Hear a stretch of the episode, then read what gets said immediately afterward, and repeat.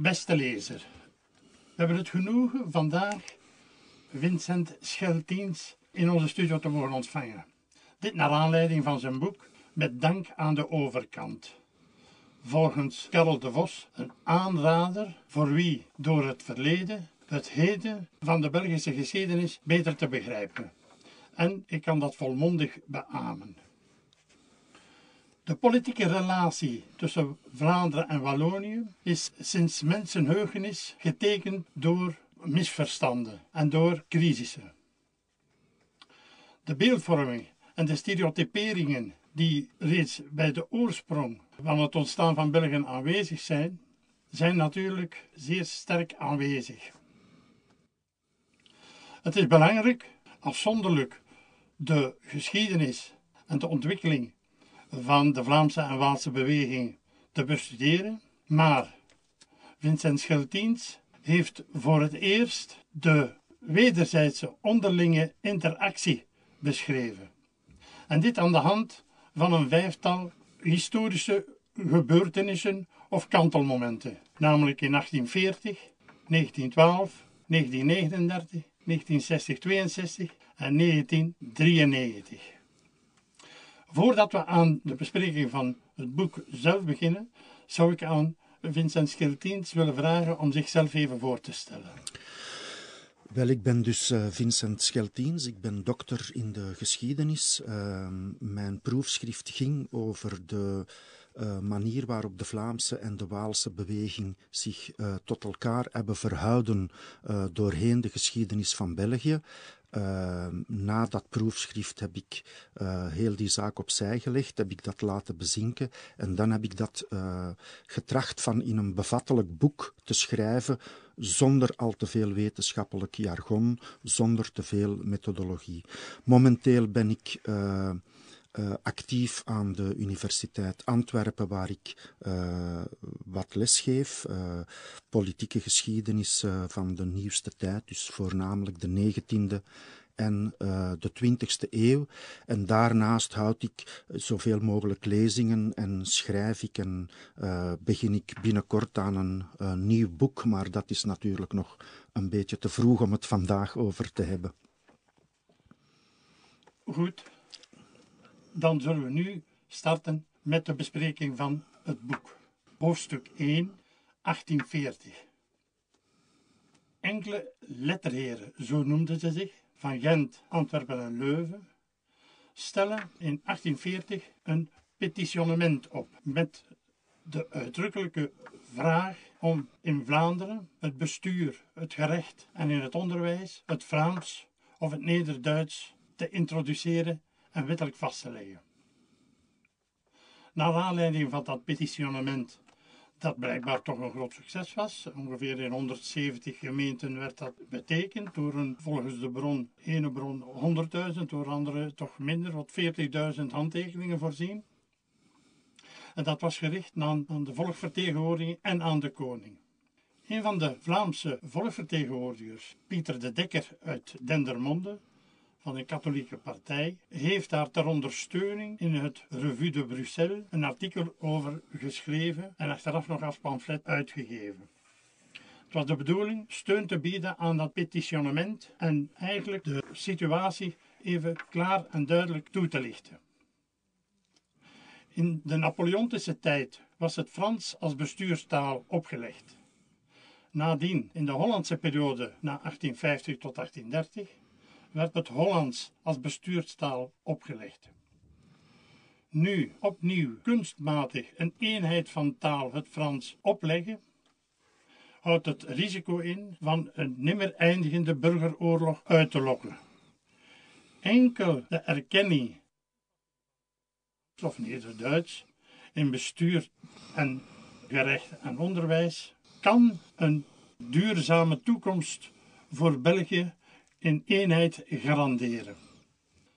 Maar, meneer uh, Vincent, hoe was de eerste reactie in Wallonië en in Franstalig België op het petitionement en op de brief van de Dekker?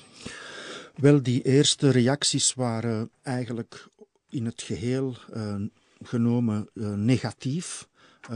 Sommige commentatoren, journalisten, auteurs, uh, politici uh, maakten daar grapjes over en zegden: hoe kan je nu opkomen voor een taal die niet eens bestaat, want dat Vlaams of Nederduits, zoals dat toen genoemd werd, was nog niet gestandaardiseerd tot de Nederlandse taal die we vandaag kennen. En dus men zei: hoe kan je nu een dialect willen verheffen tot een bestuurstaal, uh, dan gaan we ons als Belgen een beetje belachelijk maken.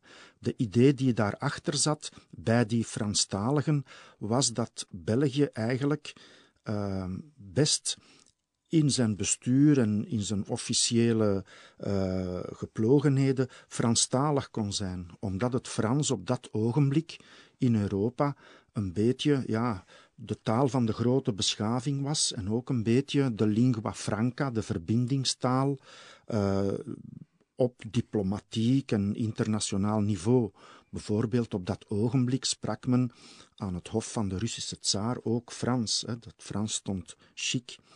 En het argument van de Franstaligen was, als België nu Franstalig uh, zou zijn, dan sluit België aan bij ja, de internationale gemeenschap, bij de internationale um, ja, moderniteit. Anderzijds zegden die uh, Vlaamse letterheren, die zegden ja, maar als België Franstalig is, dan onderscheidt het zich niet of niet voldoende van Frankrijk. En Frankrijk werd in die periode, toen België pas een goede tien jaar bestond. Frankrijk werd ervan verdacht van eigenlijk, ja, misschien België wel te willen annexeren, zich België te willen toe-eigenen. En men dacht, kijk, als je nu België, als je die Vlaamse taal erkent, ja, dan maak je van dat kleine landje iets legitiemer dan wanneer het dezelfde taal spreekt als het grote, boze Frankrijk. En dus de reacties waren uh, eigenlijk ja, uh, zeer negatief. Men trok het een beetje in het belachelijke, maar tegelijkertijd was men ook meteen aan Franstalige kant een beetje beangstigd. Want men is zeer snel gaan begrijpen dat in het noorden van het land in de Vlaamse gebieden, van Vlaanderen als politiek concept was toen nog geen sprake, maar in wat men de Vlaamse gebieden of Vlaamse gewesten noemde, wist men dat de demografie in het voordeel van de Vlaamse mensen speelde. Er werden meer kinderen gemaakt in het noorden van het land. En naar gelang het land zou democratiseren, een proces dat stilaan werd ingezet, en steeds meer mensen zouden mogen deelnemen aan verkiezingen, hoe groter dat numeriek overtal zich zou omzetten, hoe sterker het zich zou omzetten in politieke macht. En men begreep ook zeer snel aan Franstalige kant ja, dat er een gevaar uitging van, uh, vanuit die Vlaamse eisen. En dan was er ten derde nog een ander argument dat eigenlijk een soort, ja, een beetje een egoïstisch argument was. Als de bestuurstaal in België in de praktijk Frans zou zijn, dan konden Franstaligen makkelijk bestuursfuncties opnemen in Vlaamse gebieden. Als die bestuursfuncties in Vlaamse gebieden in het Vlaams zouden uh, zijn, ja, dan konden die mensen daar niet meer blijven werken, want ze konden geen Vlaams spreken en ze vertikten ook van het te willen spreken, omdat ze die taal niet au serieus namen. En dus was er ook een materieel belang bij vele Franstaligen om te zeggen: nee, het Frans moet uh, een bestuurstaal blijven, ook in Vlaanderen, want daardoor hadden zij een job in Vlaamse administraties, gemeentehuizen, politiediensten, arrondissementscommissariaten, etc. etc. U alludeerde daar straks dat de Franstaligen het Vlaams als dialect beschouwden. Mm Een van uw onderdeeltjes had als titel Une simple amusette. Ja. Kan u dat even eens... Uh, ja, dat is, uh, dat is uh, tegelijkertijd grappig, maar heel belangrijk. Dus de Vlaamse letterheren, zoals Jan-Frans Willems, Prudence van Duizen, Hendrik Conscience, etc., wilden die Vlaamse taal verheffen tot een bestuurstaal. En Jan-Frans Willems was iemand die ook de leiding nam om die taal, die taal te standaardiseren. Dus dat wil zeggen om over het hele grondgebied dezelfde spellingsregels uh, in te voeren, etc. En er was een spellingscommissie op, uh, samengesteld waar hij voorzitter van was. Aan Franstalige kant, in Wallonië, en meer bepaald voornamelijk in Luik, had je ook mensen die vanuit belangstelling voor het Waalse erfgoed en uh, de Waalse dialecten uh, daarmee bezig waren. En een van die mensen was uh, Grand Gagnage en die schreef een boekje waarin hij zei, ja, meneer Willems, eigenlijk begrijp ik u niet. Want wij koesteren ook ons Waals dialect, maar wij zouden nooit de pretentie hebben om dat dialect tot een echte bestuurstaal te willen verheffen. Voor ons een bestuurstaal, dat is het Frans. En het Waals koesteren wij comme une simple amusette, iets waar dat je u mee bezighoudt, maar dat je niet al te zeer au serieus neemt. En dat was het verschil. Eh, zij voegden er ook iets later aan toe. Uh, kijk, op basis van de erkenning van een dialect een beweging willen oprichten, zoals de Vlaamse beweging, dat is iets wat wij Walen nooit zouden doen.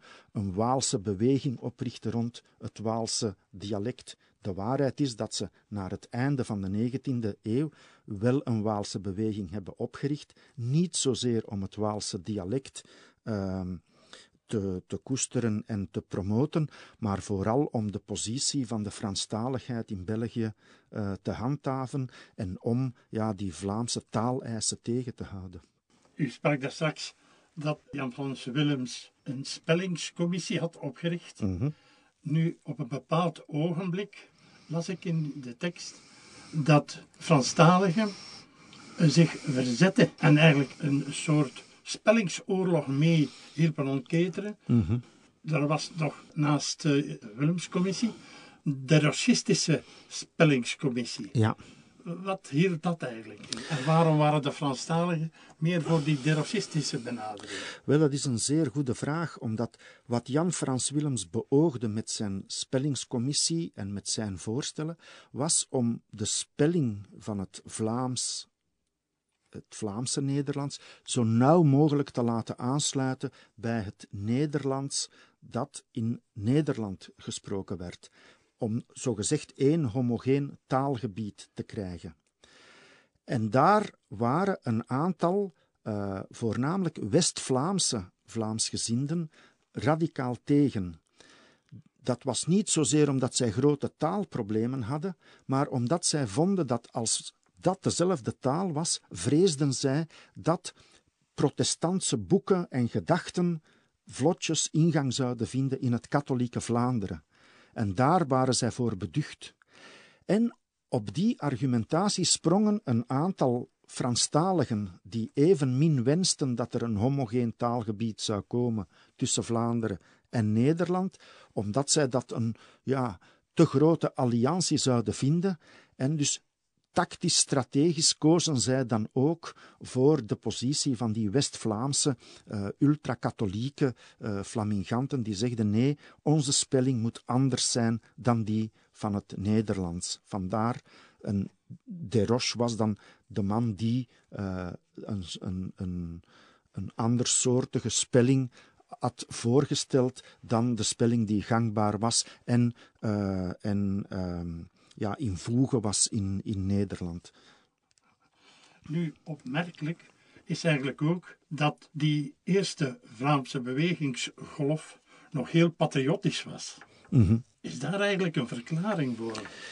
Ja, absoluut. Uh, dus de Vlaamse beweging in het begin was vurig Belgisch-patriotisch. Uh, men wilde de jonge Belgische natiestaat op de kaart zetten. België was in 1830, 1831 gesticht en geformaliseerd. En men was ervan overtuigd dat om België sterk te maken, het Vlaams moest erkend worden, een plaats moest hebben, want dat maakte België uniek. Uh, en die Vlaamsgezinden voelden zich daardoor ook de beste Belgen. En zij vonden bijvoorbeeld die Franstaligen die aan dat Frans, dat eentalige Belg, Belg, Fran, Franstalig België vastklampten, vonden zij maar semi-patriotten.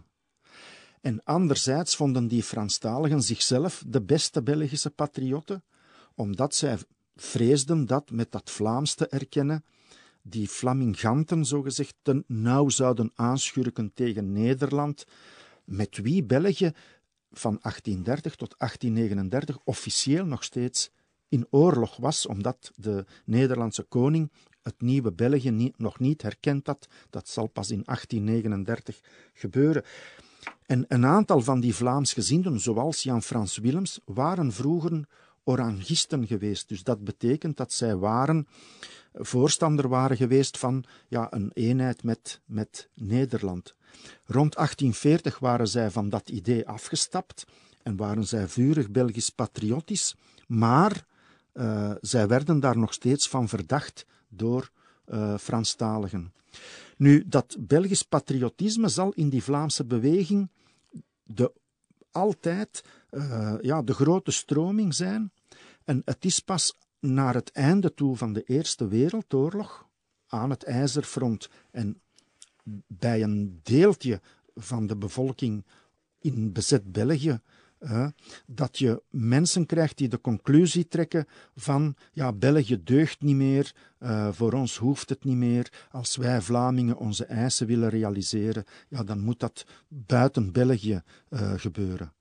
Maar zowel uh, in de katholieke partij als de liberale partij, als de iets later opgerichte socialistische partij, de Belgische Werkliedenpartij, was men Vlaamsgezind in Vlaanderen en tegelijkertijd Belgisch patriotisch. Daar gaan we straks in hoofdstuk 2 nog wat dieper op ingaan. Ja. Wat toch nog opmerkelijk is, uh, vind ik persoonlijk, dat de sociaal-economische argumenten geen rol spelen in de Nee, inderdaad, en dat is toch wel zeer vreemd, omdat er een, een, een zeer uh, ja, uh, erbarmelijke toestand was waarin de, de Vlaamse bevolking leefde, de plattelandsbevolking. Er waren hongersnoden, er waren mis, mislukte oogsten, uh, er waren mensen die naar het buitenland trokken, er waren veel mensen die naar Wallonië trokken om de kost te gaan verdienen. En die Vlaamse beweging, die letterheren, die kijken daar eigenlijk niet naar. Zij spreken wel veel over het belang van de Vlaamse mensen, maar nooit in een sociaal-economische interpretatie. In die zin was het ook een zeer ja, paternalistische beweging. Zij deed ook niks om die mensen te organiseren of om een bewustzijn over te brengen rond die sociaal-economische uh, problematieken. Hè. Het was voor de mensen, maar niet door uh, de mensen. Oké, dan gaan we nu over naar het tweede hoofdstuk. Twee onverenigbare rassen. 1912. In 1911 verschijnt in een Luiks tijdschrift een enquête gericht aan de Franstalige elite van België. Met twee vragen. Eerste vraag. Past het om in België een centrum van Latijnse beschaving af te schaffen en te vervangen door een Vlaams equivalent. Men verwijst zeer zeker naar de vernederlandsing van de Gentse Universiteit. Absoluut. En de tweede vraag was: welke maatregelen moeten genomen worden om die genadeloze Vlaamse strijd tegen het Frans en het Waalse ras tegen te gaan? De Vlamingen bereiden rassenhaat voor, zij bereiden een burgeroorlog voor. Dat zijn toch straffe uitspraken. Dat zijn enorm straffe uitspraken en die tonen aan hoe bevreesd men was in de Waalse beweging, die dan al bestond, hoe bevreesd men was voor wat men eigenlijk de Vlaamse pletwals noemde. Dus zoals ik zei, demografisch was Vlaanderen in de meerderheid. De politieke macht was al van 1884 in handen van een uh, absolute meerderheid van de katholieke partij. Die katholieke partij was overwegend Vlaams en werd in Wallonië als zeer Vlaamsgezind beschouwd. Men was een beetje ten einde raad. En ondertussen waren ook al een aantal taaleisen binnengehaald uh, uh, door de Vlaamse beweging.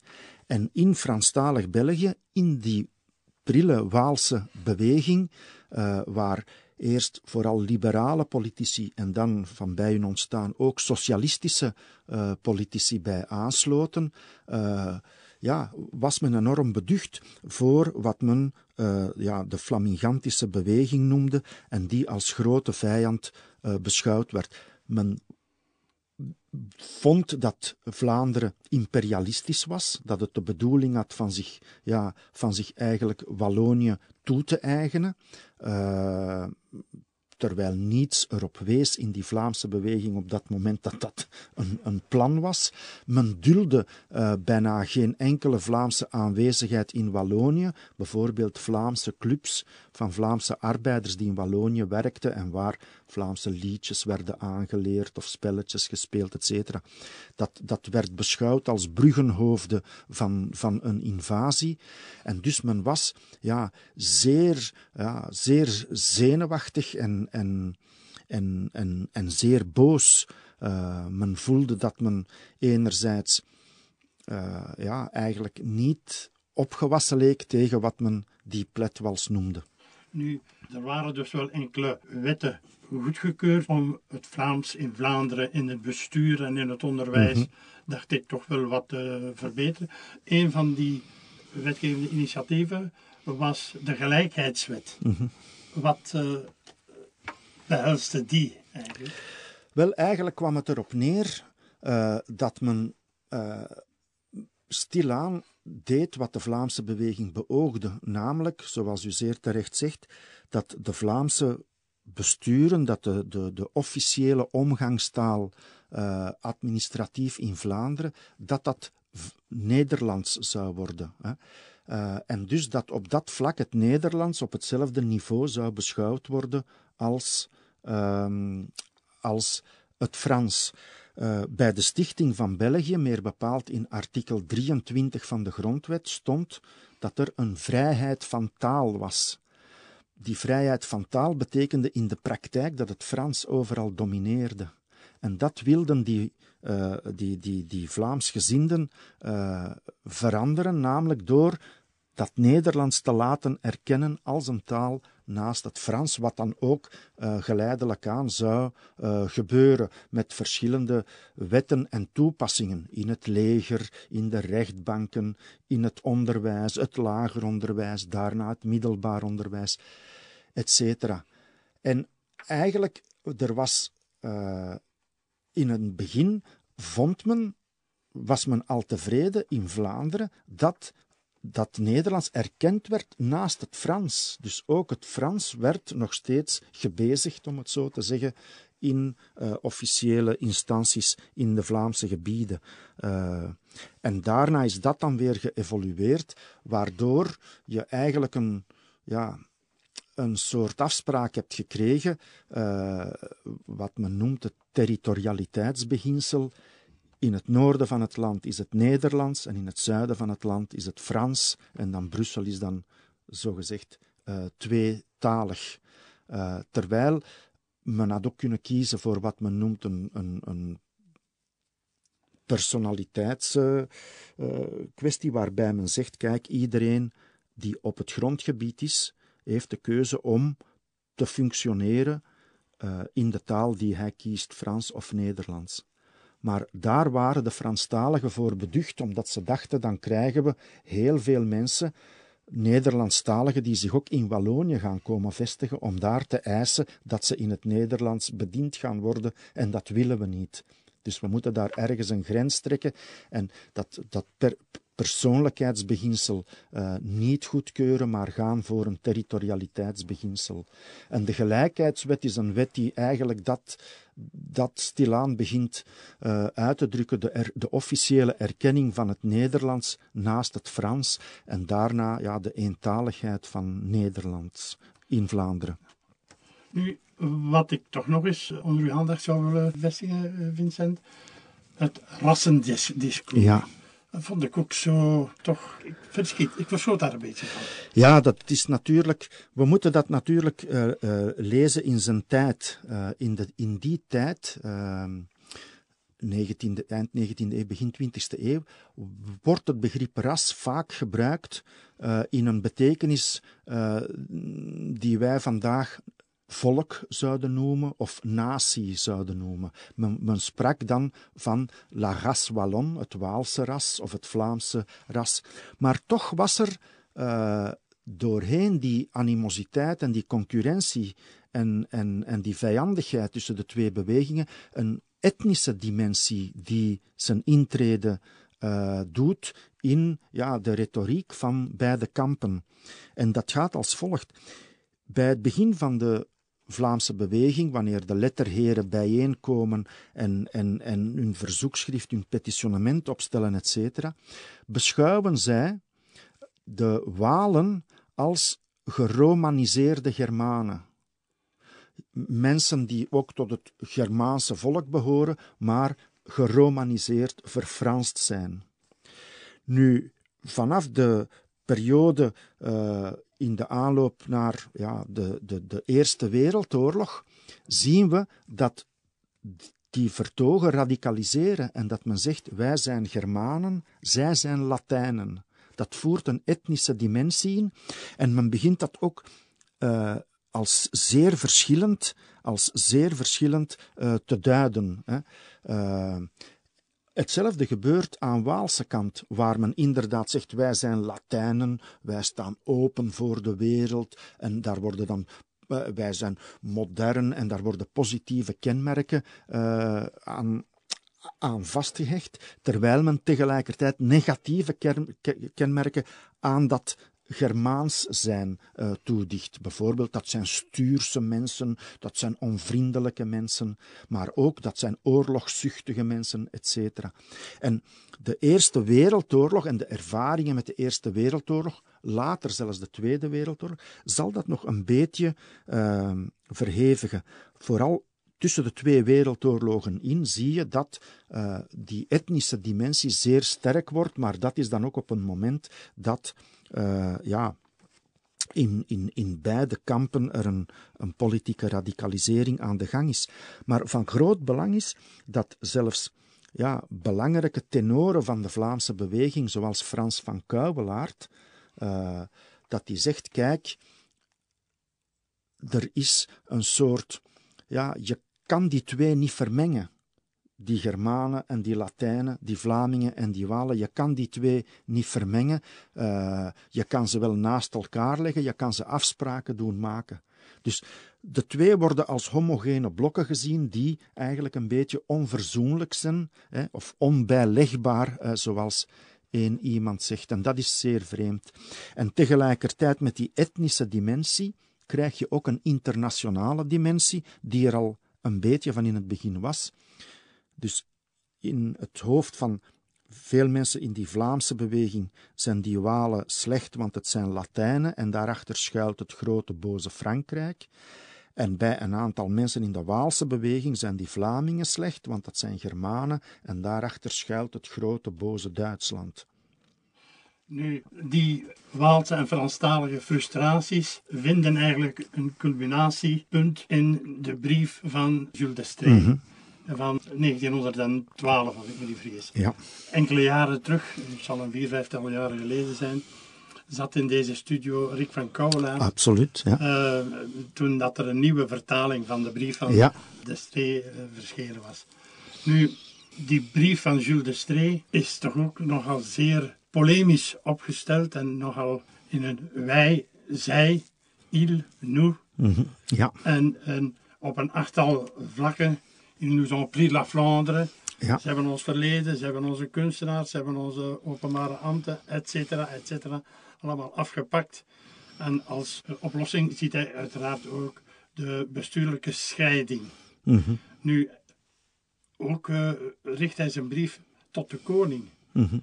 Koning Albert toen. En toch een zeer eigenaardige reactie van de koning. Het is juist wat hij schrijft, alleen zijn remedie deugt niet volgens de koning. Mm -hmm. Wat was zijn redenering daarover? Uh, wel, het is een heel boeiende kwestie. Ik heb er toevallig twee weken geleden nog in een uh, panelgesprek met uh, meneer Van Kuiwelaert over samengezeten.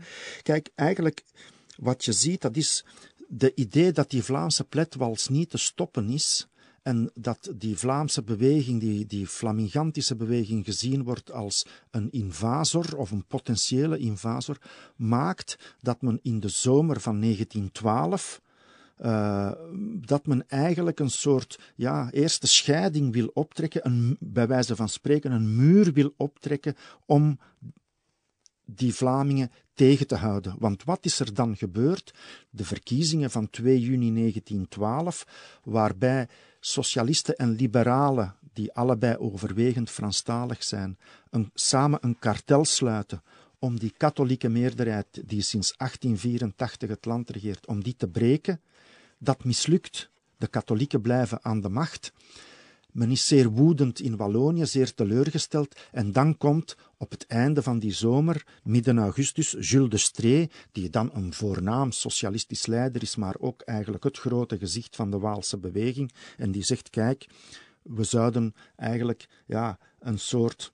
Ja, ieder een beetje langs zijn kant hè, een. Uh, separation administratief, een bestuurlijke scheiding moeten doorvoeren, zodanig dat ieder in zijn kamp een beetje zijn goesting uh, kan doen.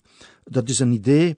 Uh, de Stree zal dat niet lang aanhouden, want twee jaar later is er oorlog en wordt hij zeer Belgisch patriotisch. Hij schrijft in die brief: uh, Sire, er zijn geen Belgen, er zijn slechts Walen en Vlamingen. Hij zegt inderdaad van die Vlamingen hebben ons alles afgepakt. Dat gaat van van Vlaanderen zelf tot en met kunstenaars die men zich in Vlaanderen zou toegeëigend hebben en die eigenlijk Franstalig zouden geweest zijn, zoals de schilder Rogier van der Weijden, die in uh, Franstalig België Roger de la Pasture uh, noemt, heet, uh, etc. Maar het was eigenlijk een schrikreactie. En die idee van bestuurlijke scheiding ontstaat eigenlijk al bij een aantal Waalse auteurs eind 19e eeuw. Maar dan in 1912 komt dat met kracht uit opzetten eh, als een soort paniekreactie. En het is voor het eerst in de politieke geschiedenis van België in die zomer van 1912 dat de idee van een scheiding geopperd wordt, geopperd wordt en nog wel vanuit Waalse kant. En hetzelfde zal zich voordoen in de periode 60-61 rond de figuur van André Renard, grote stakingsleider tijdens de staking, die zich trouwens beroept op Jules de Stree. Renard is ook een uh, radicale socialist zelfs. En die zegt, kijk, om België te veranderen hebben we die katholieke Vlamingen niet helemaal mee zoals we willen. Hè, en moeten we eigenlijk, ja, om onze eigen industrie te redden, et cetera, een, het federalisme invoeren. En dat is de tweede keer dat eigenlijk op grote schaal een idee van een soort ja, scheiding of afstand wordt geïntroduceerd. En voor de tweede keer is het vanuit uh, Waalse kant dat dat voorstel gelanceerd wordt. Wel, ja, in, in, in, dat verband, hoe was eigenlijk de Vlaamse reactie op die brief van uh, de Stree?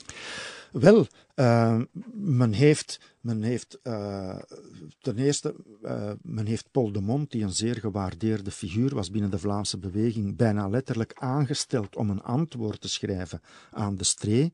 dus hij heeft een lang antwoord geschreven, dat ook als brochure is uitgegeven. Ehm, en uh, die brochure, daar staan dan de handtekeningen van alle prominente politici bijna in Vlaanderen op dat ogenblik, zowel liberalen, katholieken als socialisten, die zeggen: kijk, uh, wij staan hier achter de inhoud van deze brochure. En die Vlaamse, dat Vlaamse antwoord zegt.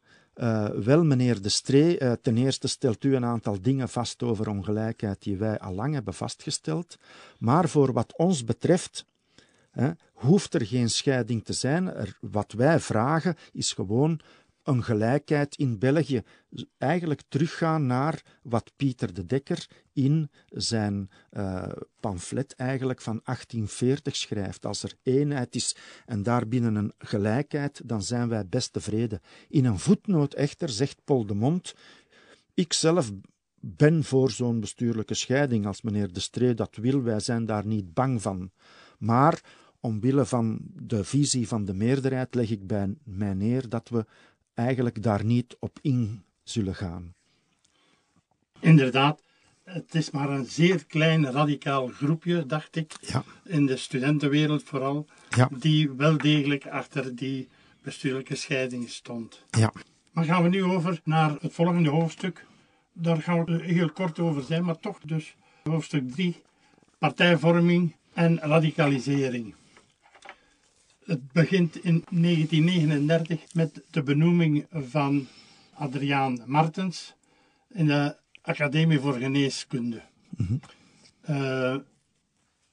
il mérite 12 balles dans le pot, was de eerste Franse reactie. Hij was een activist in de Eerste Wereldoorlog. Na de Wereldoorlog werd hij ter dood veroordeeld, maar hij weet te ontkomen. Hij gaat naar Nederland, komt jaren 2030 terug naar Vlaanderen, wordt professor aan de Universiteit van Gent, die ondertussen Nederlands is, en wordt dus gelauwerd. Langs de andere kant van het spectrum heb je Floor Grammens, die met de kwast- en verfpot heel de uh, kustlijn, dacht ik al te zeggen, maar deze grensstreek afloopt. De, de taalgrens, de, ja. Taalgrens. En uh, dus de, de naamborden uh, in Frans overschilderd. De tijluilenspiegel van de Vlaamse beweging. Nu, u hebt daar straks al het woord onbijlegbaar uh, geciteerd. Daar eindigt u het derde hoofdstuk mee.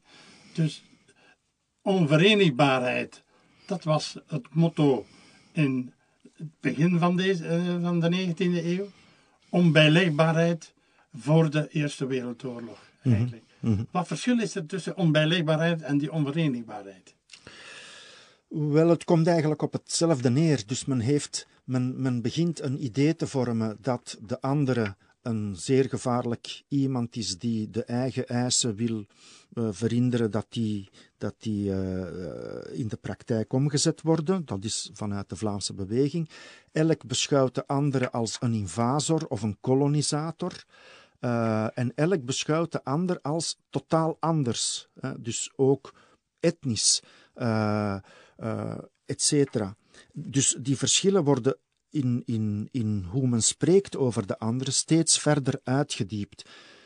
En dus men is er niet alleen over akkoord dat uh, men verschillend is. Men gebruikt bijvoorbeeld vaak de metafoor van uh, het koppel uh, in het huwelijk dat niet goed meer marcheert. En dus de scheiding die zich op, opdringt, et cetera. dus dat, dat gaat dan over twee verschillende entiteiten. Maar wat er ook is bijgekomen, is men heeft ondertussen elk een eigen grondgebied met een elk taal. En dus daartussen loopt een taalgrens. En dus men probeert daar echt ja, binnen het eigen gebied elke invloed van de andere te weren. Dat is eigenlijk heel de betekenis van wat Flor Grammens doet, het, uh, het, uh, die, die inderdaad sterk geïdentificeerd wordt in die Vlaamse beweging met Tijl-Uilenspiegel. Dus eigenlijk de moedige, guitige gast die zijn volk moet wekken, wakker maken. Uh, en die niet alleen het woord, maar ook de daad bij het woord voegt. Flor Grammens gaat inderdaad al die uh, borden langs de taalgrens die volgens hem in de verkeerde taal staan, namelijk in het Frans waar het Nederlands moet zijn, over schilderen of afrukken. Hij wordt opgepakt, uh, opgesloten. Ondertussen heb je politieke radicalisering in de jaren dertig. Die Vlaamse beweging, een groot deel daarvan, evolueert naar extreem rechts.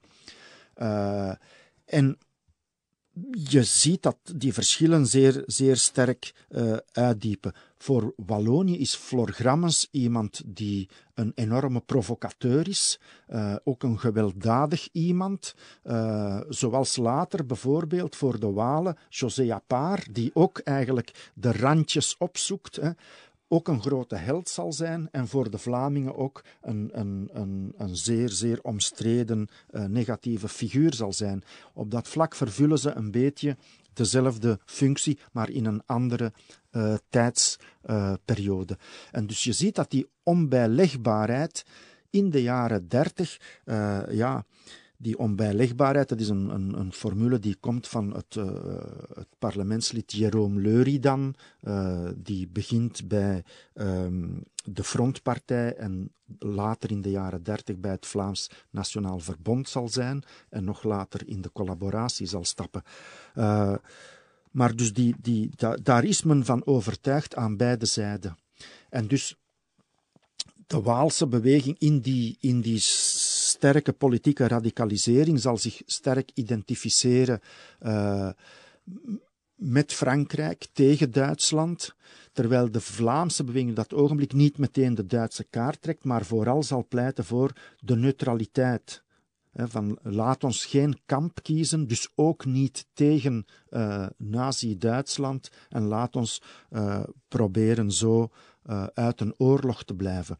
Voor de Walen uh, die, bekijken dat, die bekijken dat zeer argwanend, de Waalse beweging, die zeggen, aha, zij zijn niet tegen de Duitsers, hè, en zij denken wellicht dat ja, die Duitsers, als die Frankrijk aanvallen, ja, dat dat dan over Wallonië zal zijn uh, naar Frankrijk en dan blijven zij buiten schot. Dus je krijgt daar ook een, soort van geostrategische argumentatie die ja, de verschillen nog sterker zal bekrachtigen in ja, die fase van politieke radicalisering.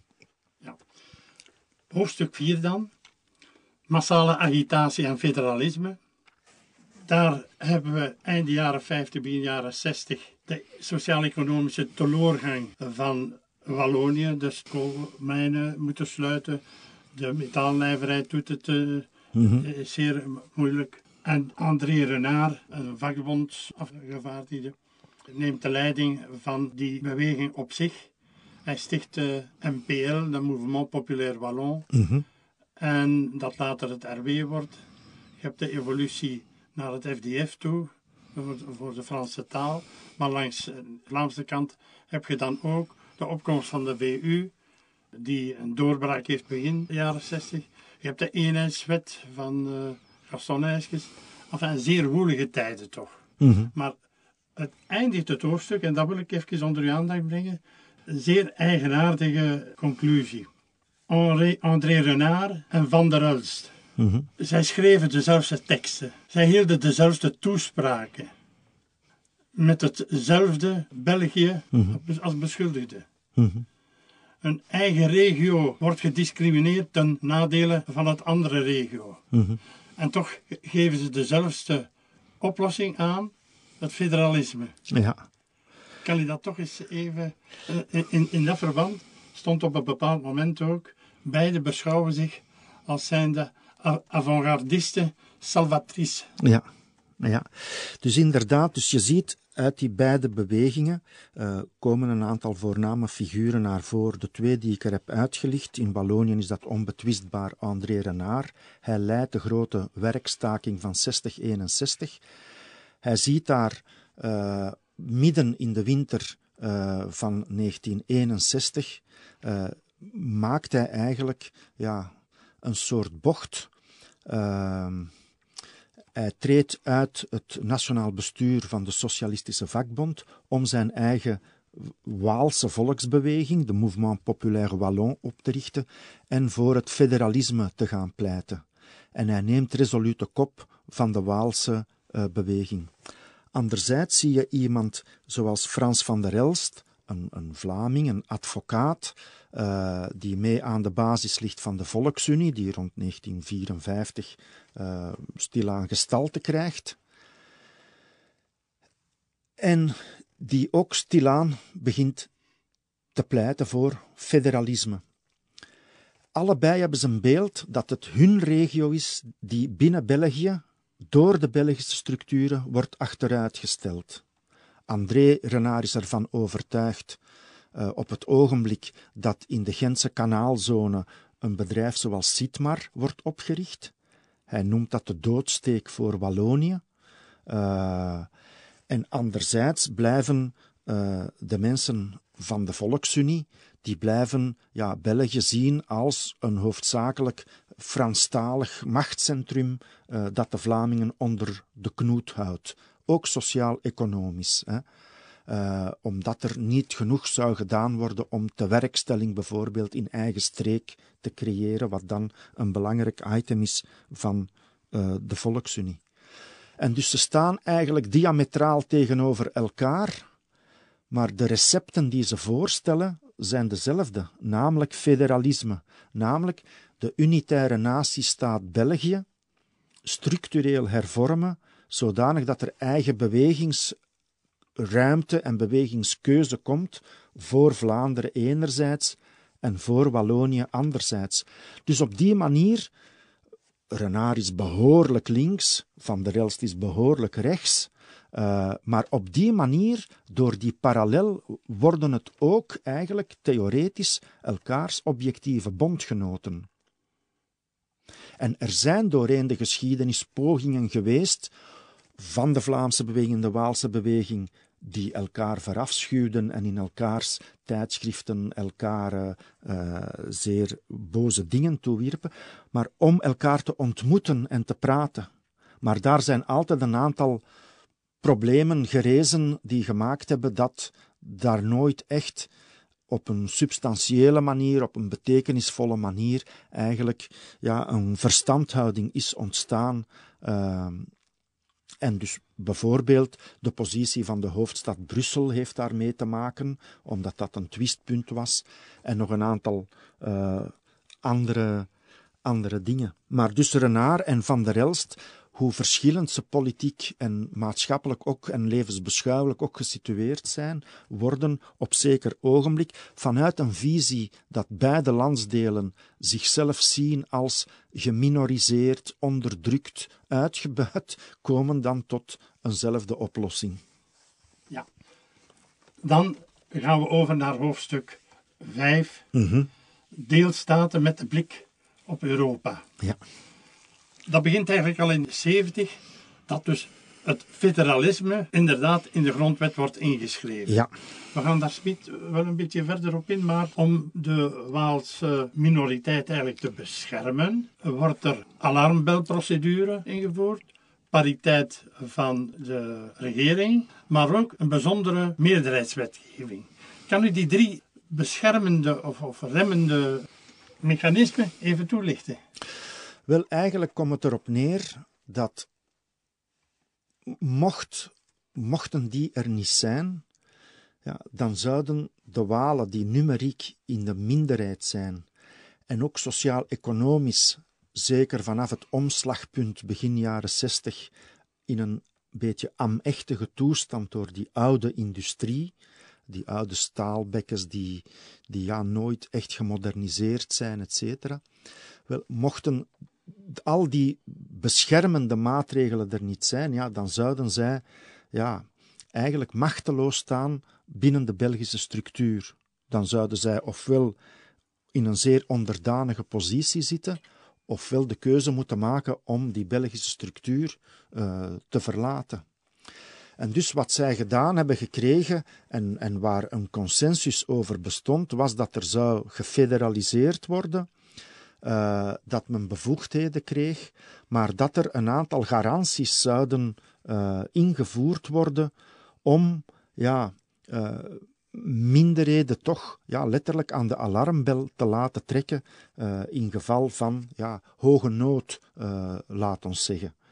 Um, dat is iets dat sindsdien, ja, je bent dan dicht bij de actualiteit, maar dat is iets dat tot nu toe ja, zo uh, geweest is. En ik weet niet welke balans men daar exact in de beide uh, landsdelen van, van opmaakt. Ik neem aan dat men bijvoorbeeld vanuit een, een, een Vlaams gezind zelfvertrouwen zal zeggen: kijk, dat is een, een rem op een, op een complete democratische ontwikkeling.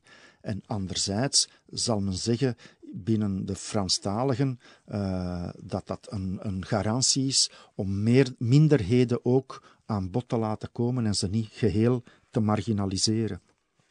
Hetzelfde met de bijzondere meerderheidswet. Ja, ja. Is dat iedere grondwetswijziging met tweederde meerderheid? Ja. plus de meerderheid in iedere taalgroep.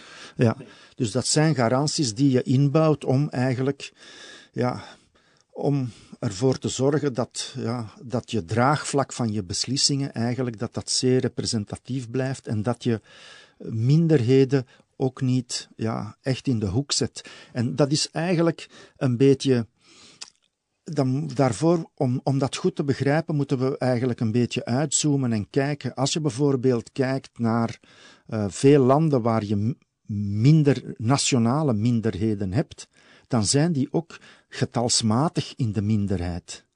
Maar in België kan je ook zeggen, goed, je hebt ongeveer 60% Vlamingen, ongeveer 40% Walen, dat kan je wel zeggen. Maar eigenlijk merk je dat je twee grote ja, entiteiten hebt die elkaar min of meer in evenwicht houden. En alhoewel de ene iets groter is, moet je toch een beetje rekening houden met de ander. En, en vice versa. En dus dat maakt dat, ja, je hebt eigenlijk ja, tegelijkertijd twee krachten die ook zeer snel middelpuntvliedende krachten kunnen worden. Maar het is niet zo dat je bijvoorbeeld de, het scenario hebt van je hebt het Verenigd Koninkrijk en dan heb je daar helemaal in het noorden Schotland of je hebt uh, het, uh, de Spaanse staat en dan heb je daar Catalonië. Uh, dat zijn duidelijke minderheden. Bij ons kan je moeilijk zeggen Wallonië is de minderheid uh, in, in België.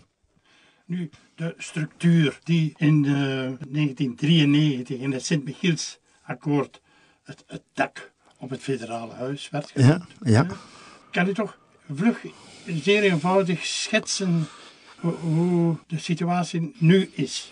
Wel, het, het, het voornaamste is dat je eigenlijk ja, aan beide, je hebt een, een duidelijke indeling. Hè. Je hebt een indeling in gemeenschappen en gewesten. Die hebben allemaal hun eigen besturen. Wat in 1993 uh, van groot belang was, dat is je kreeg de Vlaamse gemeenschap en het Vlaamse gewest, die op Vlaams vlak meteen gefusioneerd zijn. Dus we hebben één, Vlaamse, uh, één Vlaams parlement, een volwaardig parlement, met een volwaardige regering. In Wallonië heb je, had je ook het uh, de, Frans, de Franse gemeenschap, hè, dus op, op basis van taal en cultuur, en het Waalse uh, gewest, die niet uh, gefusioneerd zijn. Dat heeft te maken met, met altijd een soort spanning tussen de Franstaligheid en dan het, het, het, het Waalse, de Waalse dimensie. De Franstaligheid omvat ook Franstaligen in Brussel. Hè.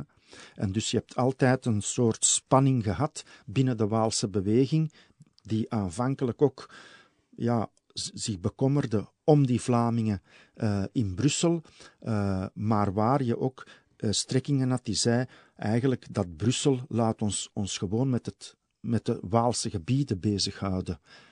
En de Franstaligen die altijd eisten dat de Waalse beweging achter hen bleven staan, zo niet werden zij overgeleverd ja, aan die Vlaamse overgrote uh, meerderheid. Dus in Wallonië is dat niet, uh, niet uh, samengevoegd. Dan heb je dus die gemeenschappen is op basis van taal en cultuur. Dus dat betekent dat er ook nog een derde gemeenschap is in ons land, de Duitse gemeenschap. Hè, dus de, de, de gebieden ehm, in, van de Oostkantons.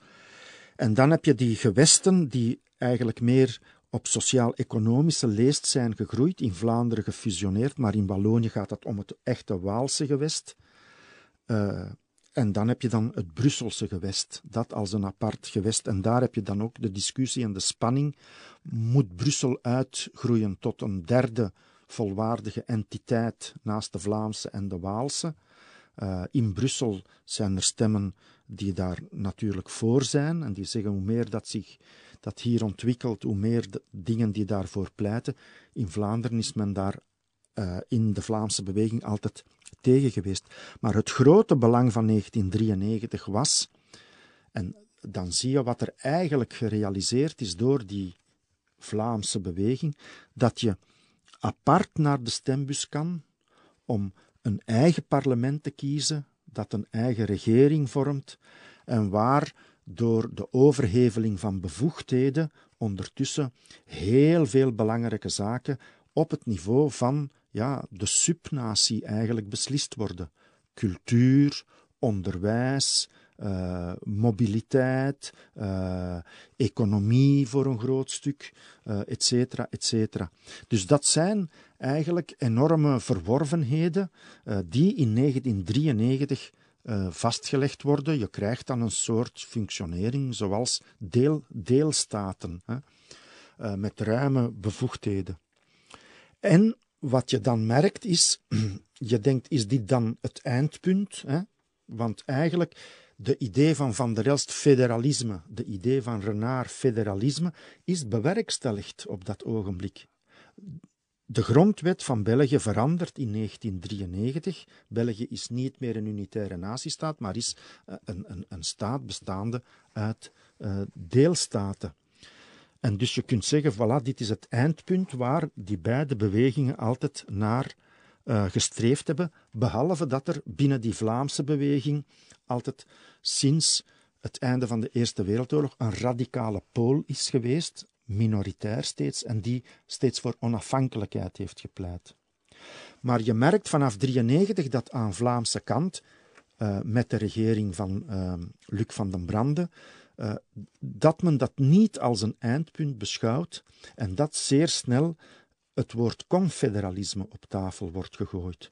Wat eigenlijk nog een stap bij is bij federalisme, namelijk dat je dan echt met z'n tweeën gaat beslissen van alles apart te doen en samen beslist wat je nog samen wil doen. Maar dus dat je niet meer een soort Belgische leidinggevende structuur hebt, maar dat wat Belgisch is eigenlijk bepaald wordt door de consensus tussen het Vlaamse en het Franstalige echelon. Ja, uh, nu, de bevoegdheden worden voor een groot deel naar de gefedereerde deelstaten eigenlijk ja. over. En anderzijds zijn er ook een, een, is er een groei van de Europese eenmakingsidee. En heel wat bevoegdheden gaan ook over naar Europa. Precies, ja. De bevoegdheidsportefeuille van de Belgische staat vermindert. Mm -hmm. Maar dat maakt eigenlijk ook dat de verschillende Vlaamse bewegingen en de Waalse beweging ieder een identiteit, hun eigenheid iets meer willen laten profileren. Mm -hmm. Ze willen, u geeft daar een mooie titel aan aan dat hoofdstuk, iets zijn. Mm -hmm. Iets zijn. Dan denken we aan de historische zin van August Vermeijlen. Inderdaad. Hè, uh, om iets te zijn moet je Vlaming zijn. We moeten Vlamingen zijn om Europeër te worden. Inderdaad, ja. En ja. eigenlijk, een goeie uh, 60 jaar later, krijgen we een quasi-plagiaat door de Waalse beweging daarvan. Ja. Être d'abord Wallon, pour mieux être Européen. Inderdaad. Zeer eigenaardig toch. Maar The Making of Flanders. Mm -hmm. U noemde daar juist uh, Luc van den Brande, maar zijn voorganger Gaston, Geens was eigenlijk al gestart met een project DIRF, mm -hmm. derde industriële revolutie in Vlaanderen, veronderstel ik ja, dat dat is. Ja. En Van den Brande die lanceert zijn project Vlaanderen Europa 2002. Mm -hmm. Kan hij die twee projecten even toelichten? Ja. Dus inderdaad, ik denk dat er uh, op dat vlak in uh, van The Making of Flanders, uh, dat er heel veel werk is geleverd door Gaston Geens, hè, die ja, christendemocratisch, en die een aantal dingen lanceert, die, die derde industriële revolutie, uh, Flanders Technology, etc. Wat is eigenlijk de filosofie daarachter? De filosofie is, we hebben bevoegdheden, we staan losser van België, alleen kunnen we in Europa beter onze vleugels uitslaan en onszelf beter ontwikkelen. Die gedachte zet Van den Brande verder met het project Vlaanderen Europa 2002. Hè. Dus Vlaanderen, Europa, welke schakel ontbreekt of verdwijnt op de achtergrond? België. Uh, dat draagt een consensus, want die, die regeringen die worden op dat ogenblik, zijn die nog steeds samengesteld proportioneel. Dus alle Vlaamse partijen die in het parlement zitten, maken deel uit van die regering. Ook de regering van den Brande van 1993 nog. Hè. Uh, bon. Uh, dat is één ding. Naar Europa kijken, hè, met het gezicht naar Europa en de rug naar België en Wallonië. Een tweede idee is inzetten op nieuwe technologieën, inzetten op modernisering. Een beetje ook in tegenstelling met Wallonië, dat nog ligt te worstelen met ja, de, de zware en dure erfenis van die staalindustrie die niet gemoderniseerd is na de Tweede Wereldoorlog, waar ondanks de Marshallgelden, de steun van de Verenigde Staten voor de heropbouw van Europa, eh, waar dat niet aangewend is om die industrie te moderniseren, onder andere. En dus Vlaanderen ziet een voordeel en wil dat ontwikkelen. En je krijgt uh, ja, uh, eh, KMO-zones, werken met nieuwe materialen, etc. etc.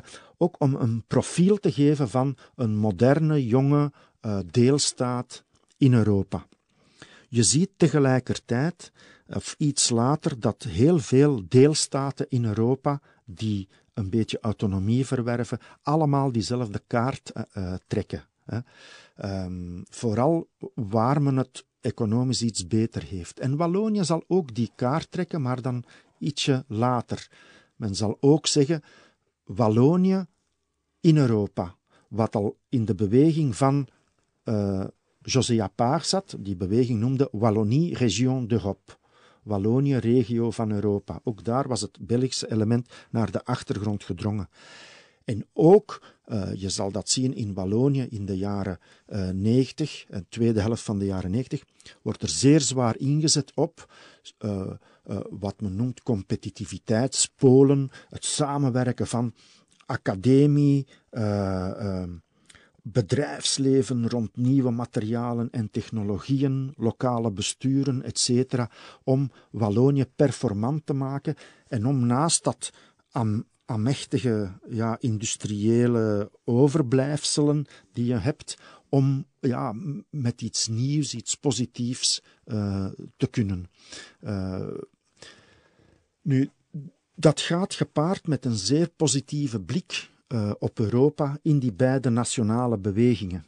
Dus men verwacht veel soelaas van Europa. Men verwacht dat daar ja, het Europa van de regio's, het Europa van de volkeren, etc. Men verwacht daar veel positieve dingen van. Nu, heel veel bevoegdheden eh, eh, gaan uh, met de Europese verdragen naar Europa, verdrag van Maastricht, later het verdrag van Lissabon, etc. Er komen crisis, uh, etc. Heel veel bevoegdheden en eigenlijk ja, instrumenten om het eigen beleid te bepalen worden de natiestaten uit handen genomen. En je merkt ondertussen dat dat superpositieve beeld over Europa een beetje bijgesteld wordt door uh, in die nationale bewegingen. En je krijgt een soort paradoxaal beeld dat enerzijds mensen zeggen in deze tijden dat het niet zo sociaal-economisch goed gaat, uh, moet je ofwel de Europese kaart trekken, maar dat zijn dan eerder lagen van de bevolking die de toekomst met vertrouwen tegemoet zien, omdat zij vrij welvarend zijn. En je ziet doorheen heel Europa, ook in Vlaanderen, uh, mensen die zeer bang zijn van ja, die globalisering, die internationale turbulentie, en die vatbaar worden voor een soort terugplooi. En die zijn dan zeer gevoelig voor ja, uh, campagnes die de nadruk leggen op de eigen regio, uh, de soevereiniteit, de geborgenheid, etc. En die dan door verschillende soorten politieke krachten naar gelang worden ingevuld. Maar je ziet inderdaad dat uh, er enerzijds een vlucht is naar boven toe en anderzijds een vlucht is naar onder toe, uh, een terugplooi. En daartussen zit die Belgische natiestaat en een aantal andere natiestaten ook. Maar het is wel zo dat op Europees vlak, qua beslissingen en bevoegdheden, de nadruk nog steeds ligt op die natiestaten. Er is niet één Europese regering. Het is niet de commissie die alles beslist. De grote beslissingen worden genomen door de regeringen van de verschillende lidstaten. En dus zit je in een soort ja, wazige tussenin situatie waar enerzijds mensen willen, uh, zoals vandaag, dat Vlaanderen nog meer autonomie krijgt. Anderzijds heb je mensen die zeggen: Europa moet echte bevoegdheden krijgen, dat Europees parlement moet echt gaan beginnen wegen, er moet een echte Europese regering komen. En daartussen natiestaten met ook minder bevoegdheden, eh, soms met een legitimiteitsprobleem, uh, maar die nog wel Europa voor een stukje sturen. En dat is een, een zeer bizarre situatie. Wel, eigenlijk is de eufore toestand van de jaren 70, 80 eigenlijk naar, naar een, een soort ontnuchtering ja, gekomen. Ja, dat is goed samengevat, inderdaad. Ja, ja. Ja, er is een soort ontnuchtering over Europa. Uh, toen ik op de schoolbanken zat in de middelbare school en het waren voor het eerst Europese verkiezingen, je kon voor het eerst een Europees parlement gaan verkiezen, dan uh, deelde men folders uit aan de jongeren om echt een Europees bewustzijn bij te brengen en dan ging dat over vrede, harmonie, sociale welvaart, etc. Maar ondertussen hebben we aan de rand van Europa de Bosnische oorlog gehad. Uh, ondertussen heb je verschillende Europese landen die in het Midden-Oosten betrokken zijn geweest in gewapende conflicten. Uh, je hebt de bankencrisis gehad. Uh, en je hebt ja, tal van sociale uh, geschillen binnen de Europese grenzen. Je hebt de brexit gehad, zeer recentelijk, van het Verenigd Koninkrijk dat zegt, ja, bon, wij gaan weg. Uh, dus er blijft van dat harmonieuze, positieve beeld weinig over. Er is een echte uh, ontnuchtering. En daar wordt op ingespeeld door krachten die de nazistaat verder willen uithollen. En de substaat, hè, dus wat eronder valt, dus de regio's of, of, of uh, zoals Vlaanderen, zoals Catalonië, etc., nog meer speelruimte, nog meer bevoegdheden te geven. Probleem is wel dat Europa de Europese Unie daar niet zit op te wachten, precies omdat ze zoveel andere katten te geeselen heeft en men niet van plan is om nieuwe lidstaten te gaan erkennen. We hebben dat gezien in het Catalaanse conflict.